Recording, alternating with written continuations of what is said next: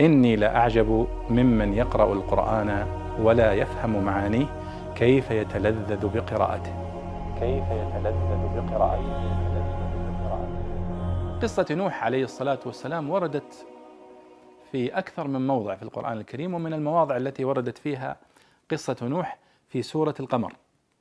يقول الله سبحانه وتعالى ففتحنا أبواب السماء عندما دعا نوح عليه الصلاة والسلام ربه قال فدعا ربه أني مغلوب فانتصر. ففتحنا أبواب السماء بماء منهمر وفجرنا الأرض عيونا فالتقى الماء على أمر قد قدر وحملناه على ذات ألواح ودسر. تجري بأعيننا جزاء لمن كان كفر. ما معنى وحملناه على ذات ألواح ودسر؟ ذات ألواح واضحة. السفينة طبعا المقصود بها وحملناه على ذات ألواح ودسر أي السفينة. لكن كلمة ودسر هذه كلمة غريبة ليست شائعة.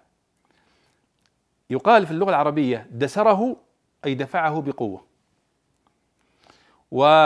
والدوسري في اللغة العربية هو الجمل القوي الضخم يقال له دوسري وهو مأخوذ من الدسر لأنه يدفع ويحمل وفيه قوة وفيه شدة.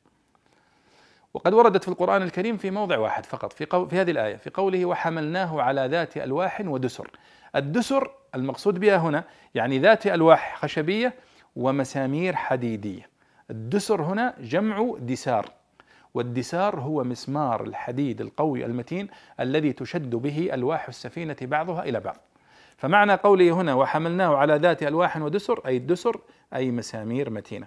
لاحظوا هنا في تفسير الآية في المختصر قال وحملناه على نوحا وحملنا نوحا على سفينة ذات ألواح ومسامير.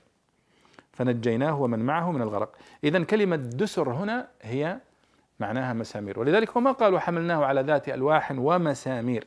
سوف يختلف الوزن والفواصل الآيات. لكن لما قال هنا قد قدر انتصر فانتصر فانتصر كفر مدكر ناسب أن يقول ودسر حتى يكون الكلام متسقا مع بعضه البعض. إذا كلمة وحملناه على ذات ألواح ودسر هي ذات ألواح ومسامير.